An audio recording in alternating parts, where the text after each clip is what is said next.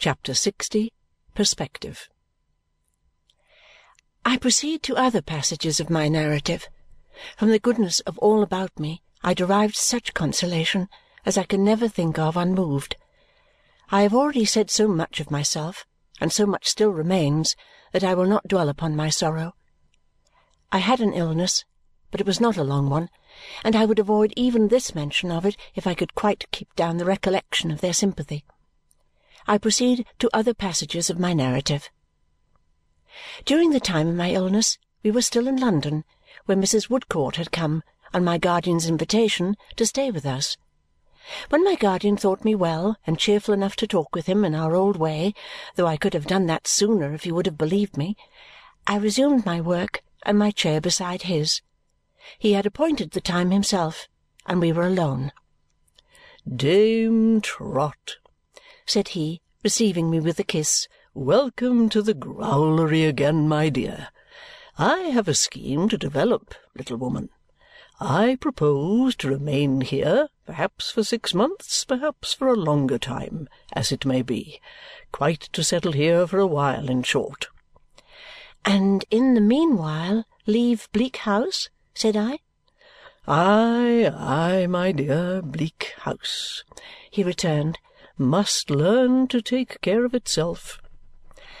I thought his tone sounded sorrowful but looking at him, I saw his kind face lighted up by its pleasantest smile.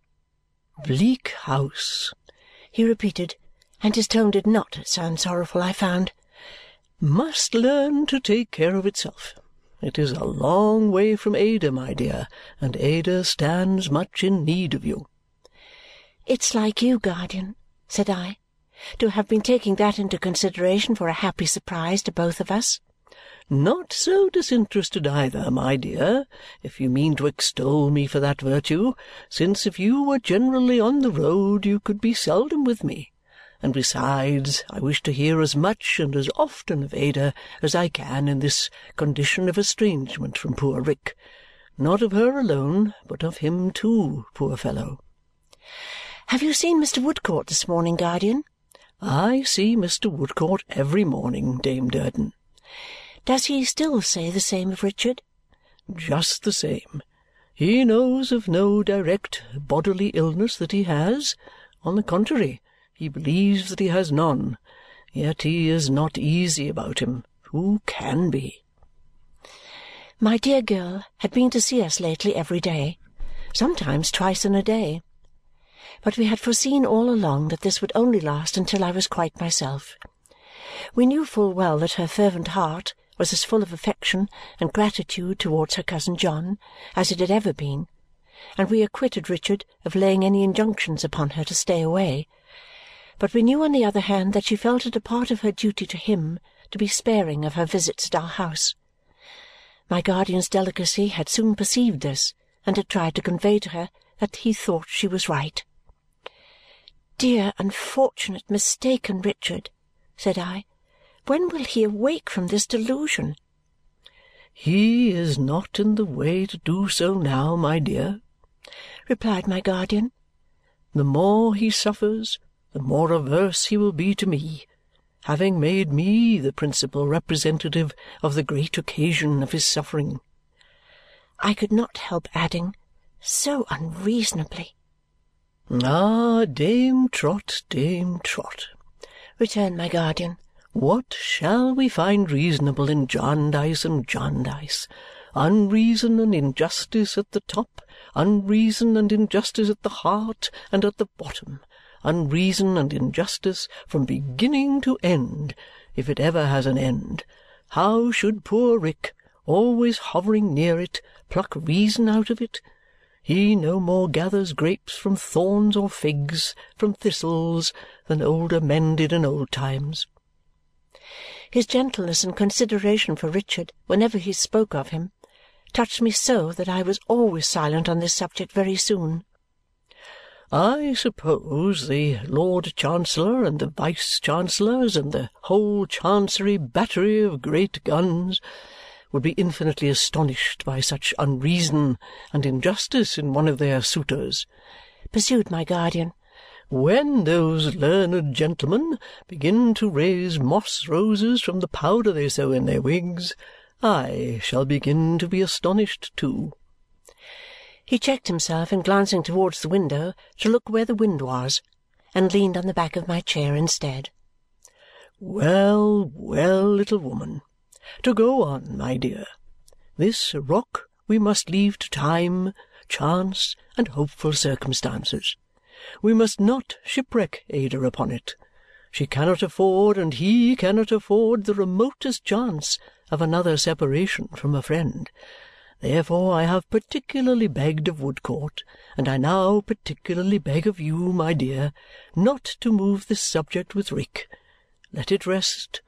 Next week, next month, next year, sooner or later, he will see me with clearer eyes.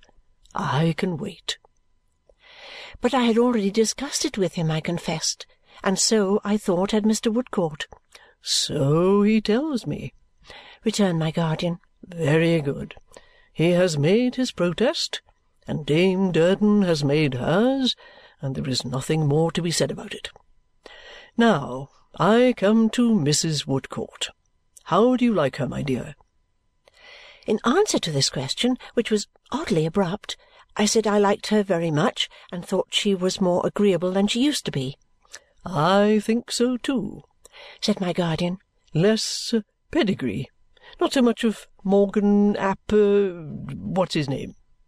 That was what I meant, I acknowledged, though he was a very harmless person even when we had had more of him. Still, upon the whole, he is as well in his native mountains, said my guardian.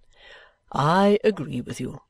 Then, little woman, can I do better for a time than retain Mrs. Woodcourt here?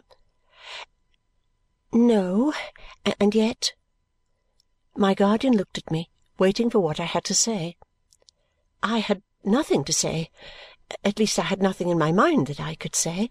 I had an undefined impression that it might have been better if we had had some other inmate, but I could hardly have explained why, even to myself, or, if to myself, certainly not to anybody else.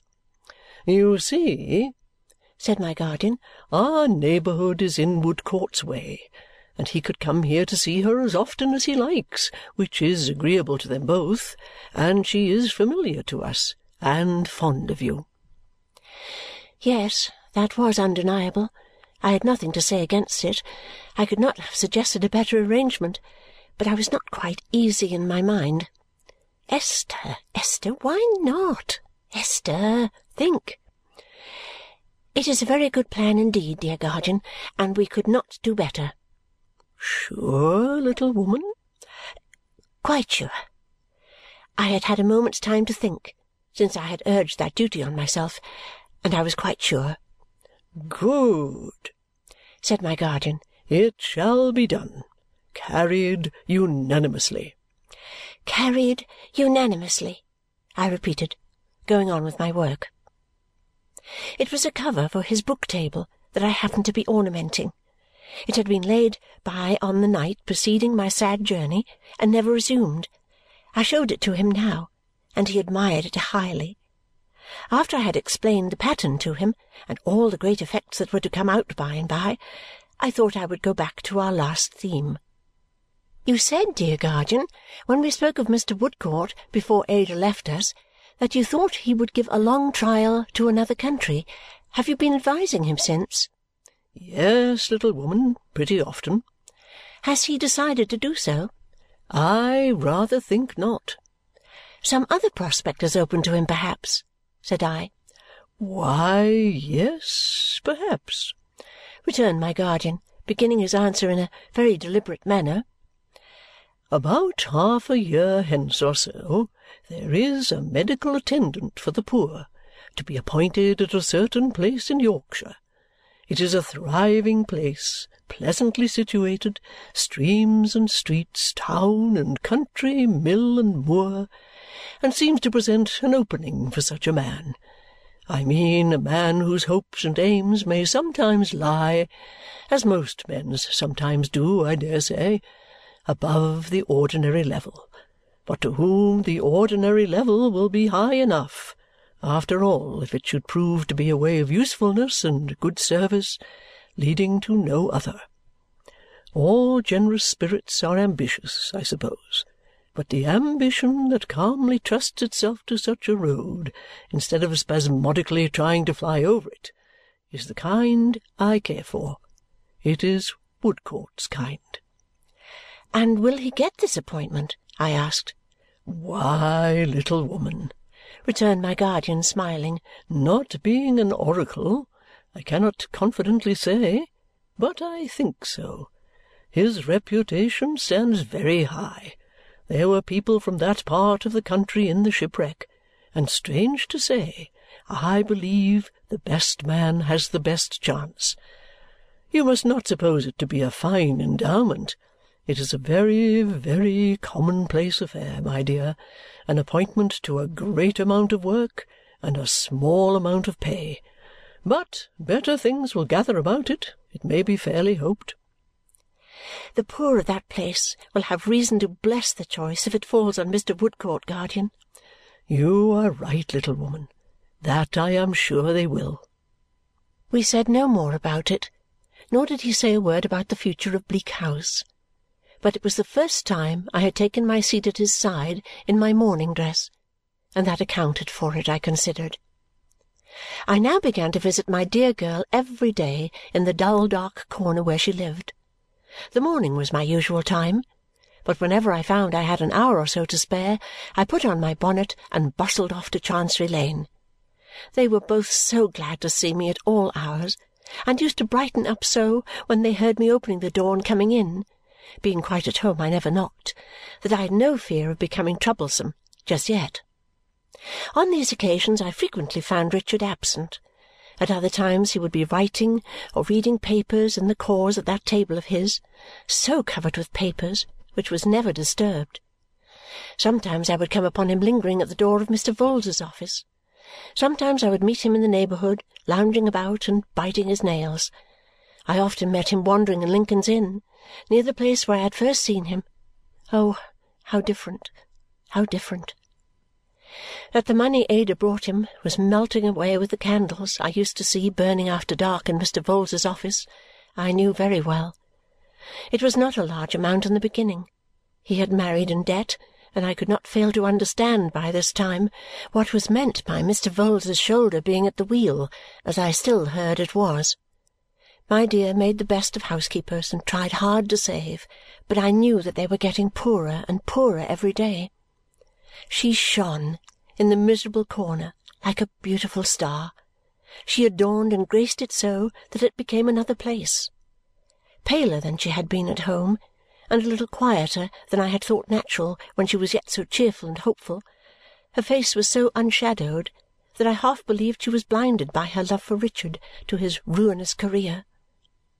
I went one day to dine with them while I was under this impression. As I turned into Symond's Inn, I met little Miss Flite coming out.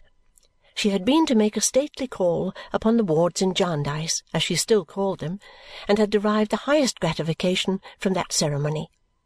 Ada had already told me that she called every Monday at five o'clock, with one little extra white bow in her bonnet which never appeared there at any other time, and with her largest reticule of documents on her arm.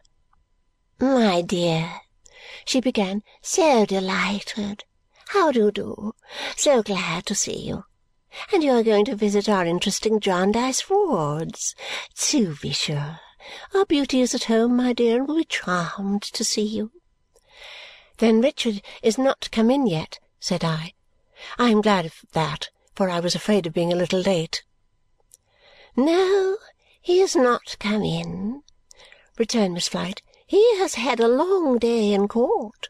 I left him there with Vholes. You don't like Vholes, I hope? Don't like Vholes. Dangerous man." "I am afraid you see Richard oftener than ever now," said I. "My dearest," returned Miss Flite, "daily and hourly. You know what I told you of the attraction on the Chancellor's table? My dear, next to myself he is the most constant suitor in court. He begins quite to amuse our little party. Very friendly little party, are we not?" It was miserable to hear this from her poor mad lips, though it was no surprise. "In short, my valued friend," pursued Miss Flite, advancing her lips to my ear with an air of equal patronage and mystery, "I must tell you a secret. I have made him my executor. Nominated, constituted, and appointed him in my will. Yes." "Indeed?" said I.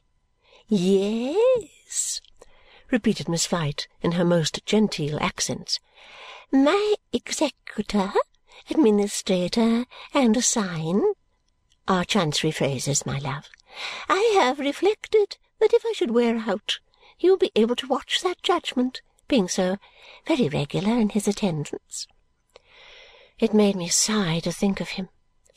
"I did at one time mean said Miss Flite, echoing the sigh, to nominate, constitute, and appoint poor Gridley. Also very regular, my charming girl. I assure you, most exemplary. But he wore out, poor man. So I have appointed his successor. Don't mention it. This is in confidence. She carefully opened her reticule a little way and showed me a folded piece of paper inside as the appointment of which she spoke. Another secret, my dear, I have added to my collection of birds. Really, Miss Flite, said I, knowing how it pleased her to have her confidence received with an appearance of interest. She nodded several times, and her face became overcast and gloomy. Two more. I call them the wards in Jarndyce. They are caged up with all the others, with hope, joy, youth, peace, rest, life, dust, ashes, waste, want, ruin, despair, madness, death, cunning, folly, words, wigs, rags, sheepskin, plunder, precedent, jargon, gammon, and spinach. The poor soul kissed me with the most troubled look I had ever seen in her and went her way. Her manner of running over the names of her birds as if she were afraid of hearing them even from her own lips quite chilled me.